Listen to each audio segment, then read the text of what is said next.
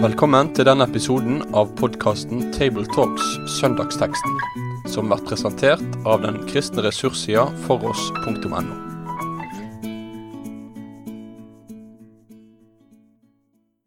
Velkommen til en eh, ny episode av Tabletalks. I studio i dag sitter Jorunn Sjåstad, ansatt i Bibelselskapet og redaktør av Logos. Reidar Valvik, professor ved Det teologiske menneskefakultet. Og her sitter Kristoffer Hansen Ekenes, prest i Rynberget kirke. Vi er kommet til første søndag i advent, og da skal vi lese teksten fra Matteusevangeliet, kapittel 21, fra vers 10 til 17. Da han dro inn i Jerusalem, ble det uro i hele byen, og de spurte, Hvem er dette? Og mengden svarte, Det er profeten Jesus fra Nasaret i Galilea. Så gikk Jesus inn på tempelplassen og jaget ut alle dem som solgte og kjøpte der. Han veltet pengevekslernes bord og duehandlernes benker og sa til dem, Det står skrevet, Mitt hus skal kalles et bønnens hus, men dere gjør det til en røverhule. På tempelplassen kom noen blinde og lamme til ham, og han helbredet dem. Men da overprestene og de skriftlærde så undrene han gjorde og hørte barna som ropte i helligdommen, Hosianna, Davids sønn, ble de forarget og spurte ham, Hører du hva de sier? Ja, svarte Jesus, har dere aldri lest, Fra småbarns og spedbarns munn har du latt lovsang lyde? Så forlot han dem og gikk ut av byen til Betania. Der ble han natten over. Da er vi altså kommet til første søndag i advent, og uh, vi er vant til at da får vi høre om Jesu inntog i Jerusalem, men denne gangen uh, er det ikke helt sånn. Vi hopper, uh, hopper litt grann i, i, historien. Men vi må jo kanskje tenke at dette henger litt sammen likevel. Om ikke vi akkurat har lest at han har kommet inn, så står det jo at det gjør han. Og det at han kommer inn, skaper uro i byen, og spørsmålet begynner liksom å, å sirkulere. Hvem er egentlig denne, denne, fyren som nå har kommet? Eh, og så er svaret profeten Jesus fra Nasaret i Galilea. Og det er jo selvfølgelig en del av sannheten. Men eh, jeg har tenkt på det, den, selve inntoget det er jo litt mer enn bare en vanlig festreise til Jerusalem han gjør der. Eh, det er jo veldig sterke Messias-overtoner, kan vi kanskje si, han, når han kommer inn. Ja, det er det jo i høyeste grad. Eh, fordi eh, når man ser på altså teksten forut for vår tekst, så er, blir han jo hyllet som konge. Det er jo helt åpenbart. Se din konge kommer til deg. Og man siterer fra profeten eh, Zakaria, slik at det er jo helt tydelig at det er en tekst som man oppfatter som en, eh, en oppfyllelse av dette. Og dessuten så kalles han for uh, Davids sønn, både i teksten forut for vår tekst og i, i, vår tekst. Og det gir jo veldig klare sånne kongelige assosiasjoner. Å være, være konge i Israel, det er å være Davids sønn, først og fremst. Det skulle jo Messias være. Så dermed så ligger det helt oppi dagen her.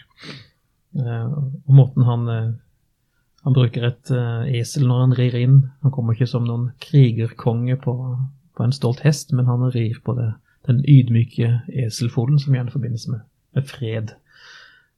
Så selv om han går i, er Messias, så viser han jo på den måten at han er det på en litt annen måte kanskje enn det, det folk forventa. Så han går inn, eh, ikke bare til Jerusalem, men altså helt inn på tempelplassen. Eh, og det er jo liksom det som er litt av hoved... Det er jo der vi befinner oss eh, i, i, teksten nå, inne på tempelplassen. Og der skjer en god del bemerkelsesverdige ting.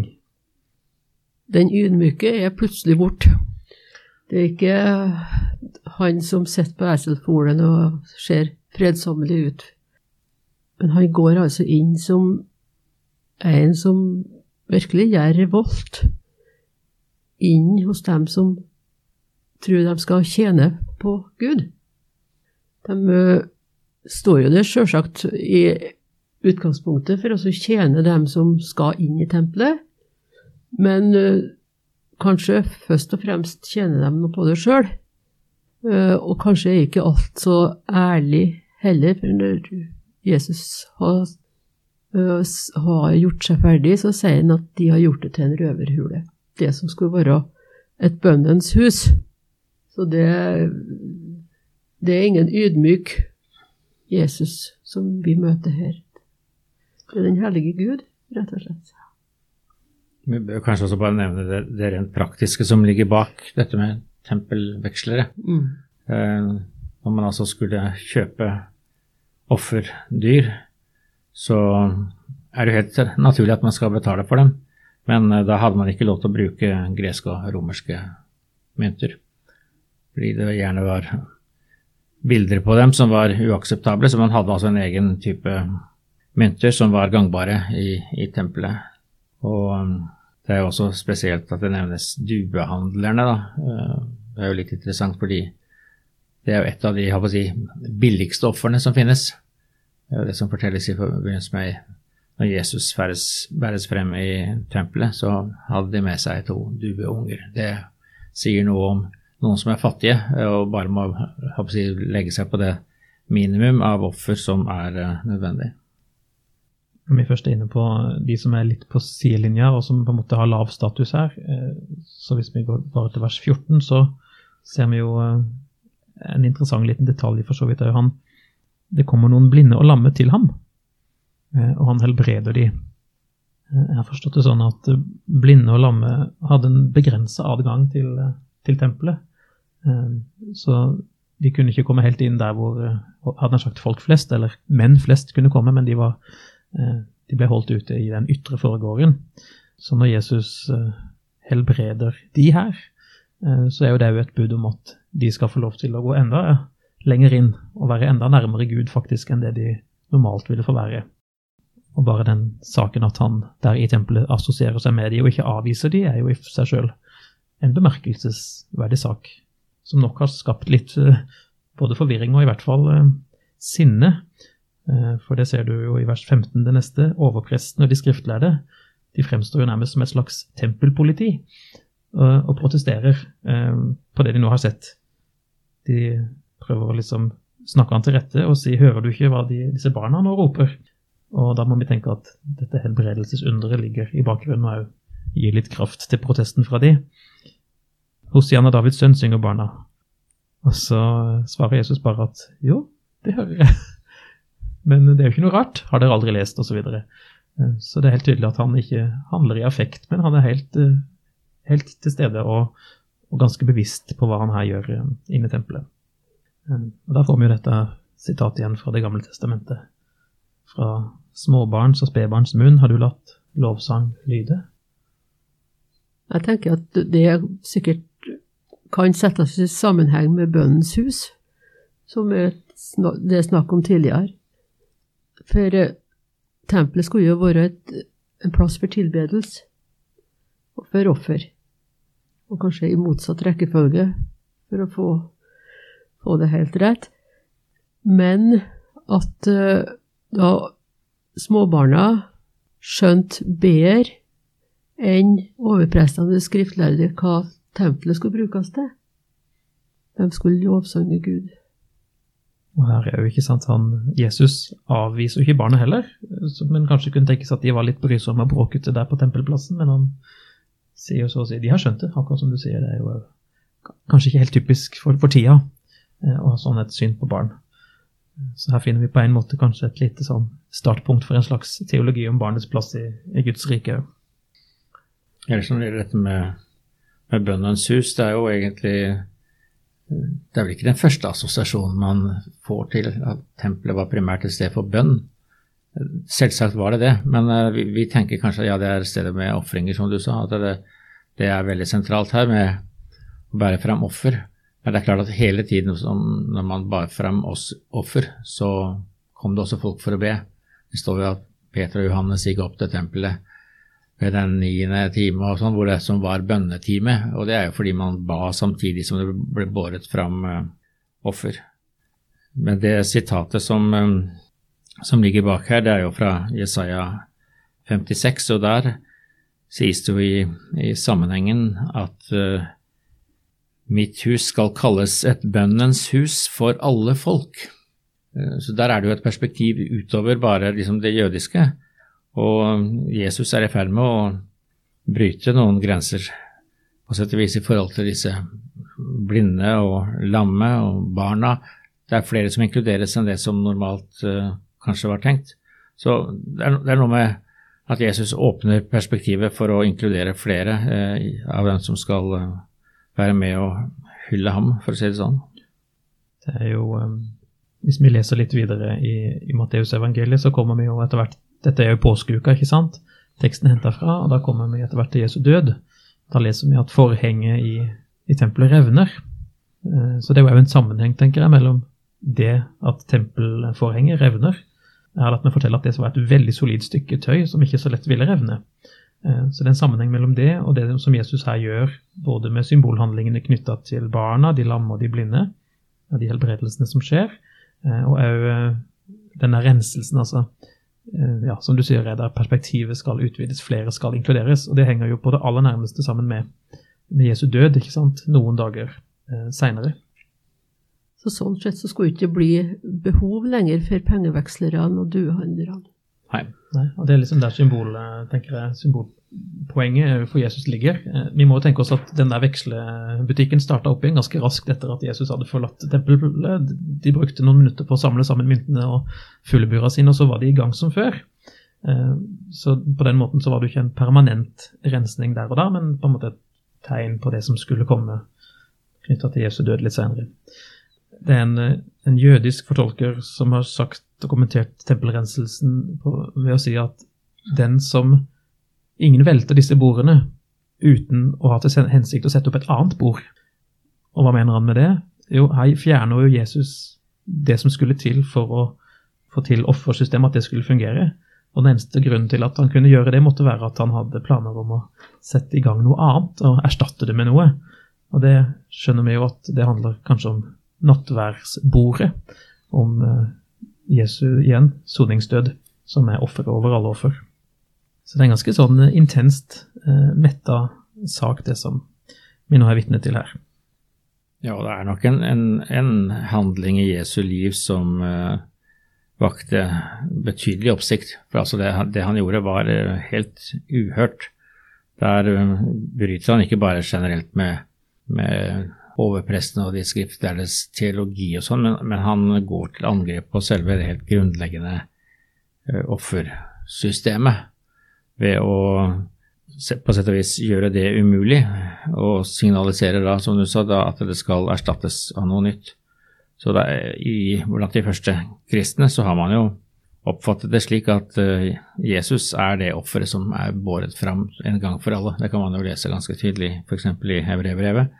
Så man har en tanke om at denne handlingen signaliserer uh, en helt annen måte å nærme seg Gud på gjennom Kristus, og ikke gjennom disse daglige ofrene. Sagt uh, i forlengelsen av det og tatt helt ut, så er det sånn at Guds nærvær på en måte ikke lenger bare skal være i tempelet, uh, men knyttes til den enkelte troende ved åndsutgytelsen faktisk på pinsedag. Det er jo en sammenheng dit òg, faktisk. Så um, dette, dette er store greier. Men uh, denne Jesus som uh, går løs på alt som kjøpes og selges i telthelligdommen uh, I disse dager er det jo julemesser og salg av mye forskjellig i mange norske kirker og bedehus. Hva, hva, skal vi tenke om det? Her høres det jo nesten ut som at hvis Jesus hadde kommet på besøk til våre forsamlinger nå, så ville han oppført seg omtrent på samme måten? Ja, jeg vet ikke. Jeg tenker jo det kan jo være et lite momento til å tenke på hvordan en bruker uh, sine gudshus.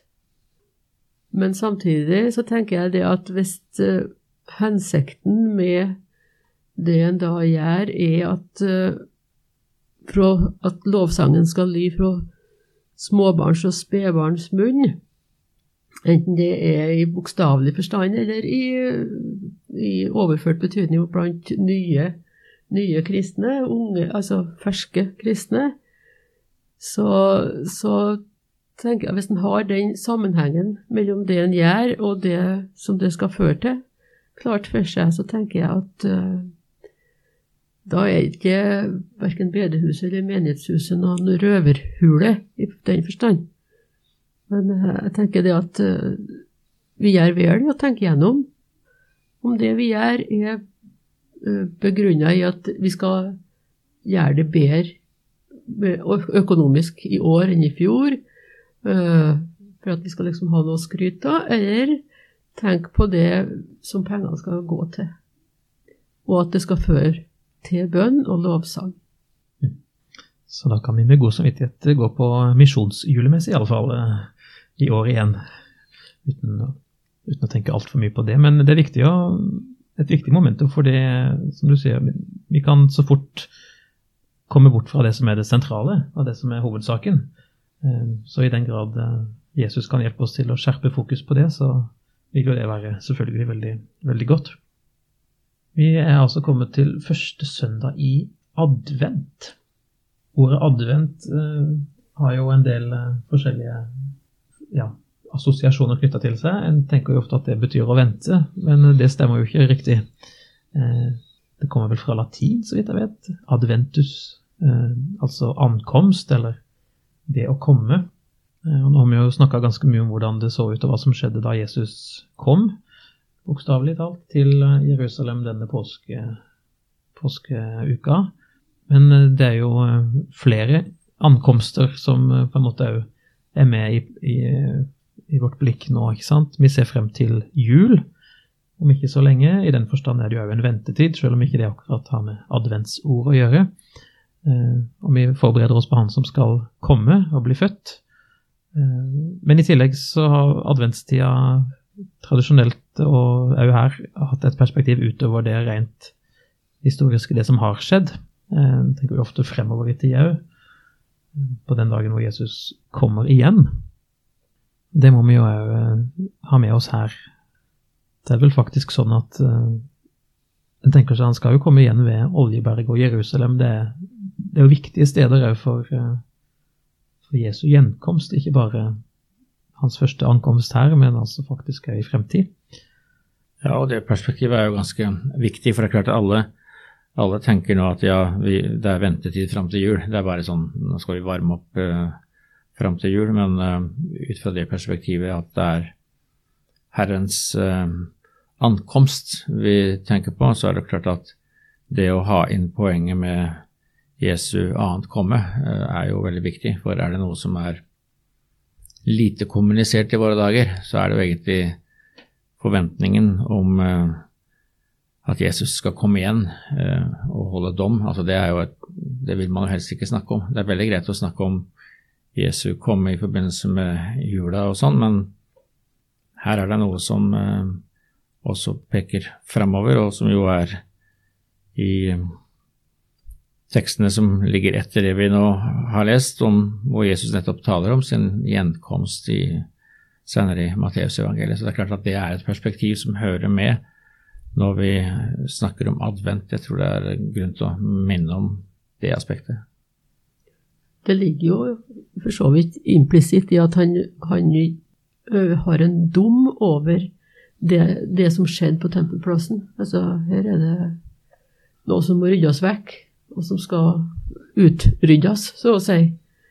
Så at uh, det, han Vi kan jo lese det som en, et varsel om dommen som skal komme. Altså Allerede i Jesu handling her på tempelplassen så ligger det i sant, perspektivet at han, han faktisk er kritiserer og setter et skille og ja, dømmer eh, det som er gal eh, gudsdyrkelse. Det, kan jo, det er jo et evig aktuelt tema. Eh, og tenke hva er det med vår gudsdyrkelse som, som ikke er som det skulle være, og som Jesus ville korrigere hvis han fikk, fikk oss i tale på det. Enten, enten, her og nå, eller når han kommer igjen. Det kan jo eh, vekke litt, eh, litt motstand, og til og med kanskje litt, litt frykt. Men da har jeg syntes det er fint å se Jesus litt seinere i Matteusevangeliet, etter at han har hatt eh, flere sterke utsagn mot uh, skriftlærde fariseere, så står han frem og klager over Jerusalem i kapittel 23, helt mot slutten. Um, fra vers 37 der så sier han Jerusalem, Jerusalem, du som slår profetene i hjel og steiner dem som er sendt til deg.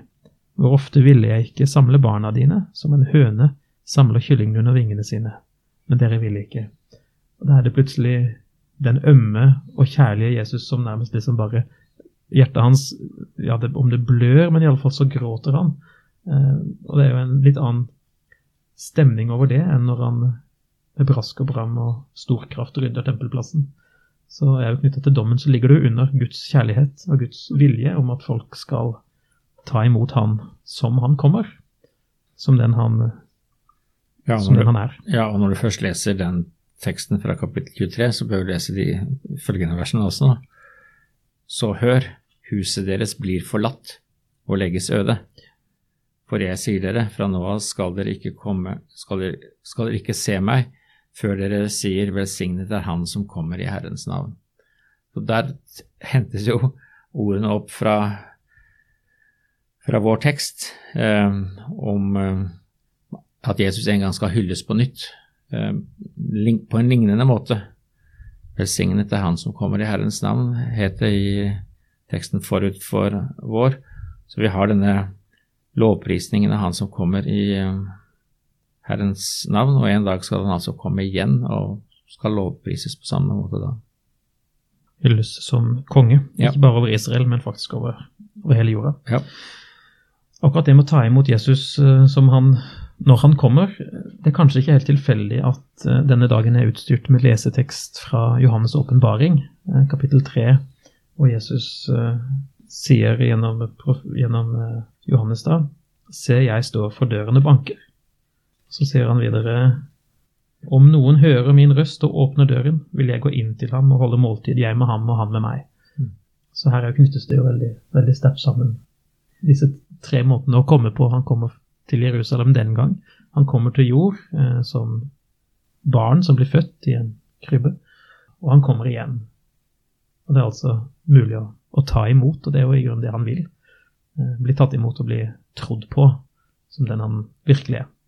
Så hvis vi skulle gi et råd til, eh, til forkynnere som skal preke over den teksten, så kunne kanskje det ligge eh, i dette landskapet. Vi har nevnt allerede det med å holde frem at Jesus kommer igjen, faktisk også til dom. Men ikke minst er det oppfordringa til å tro ham og ta imot ham som den han er. Du ser det jo faktisk også litt i teksten vår, ikke sant, de to første versene vi leste, vers 10 og 11. Eh, Det ble uro, og de spurte hvem er det? Det er jo mange som spør om i våre dager hvem er Jesus egentlig? Det finnes mange svar, noen mindre gode og noen bedre. Eh, Her er det jo tydelig at eh, folkemengden i vers 11 har, de har fått en viss greie på det, men de har liksom ikke skjønt hele bildet. De sier jo det er profeten Jesus fra Nasaret i Galilea. Det er ikke feil, men det er ikke tilstrekkelig. Det er ikke alt som er å si om ham. Eh, Han er i tillegg Gud sjøl og hans sønn som skal, som kommer for å gi sitt liv.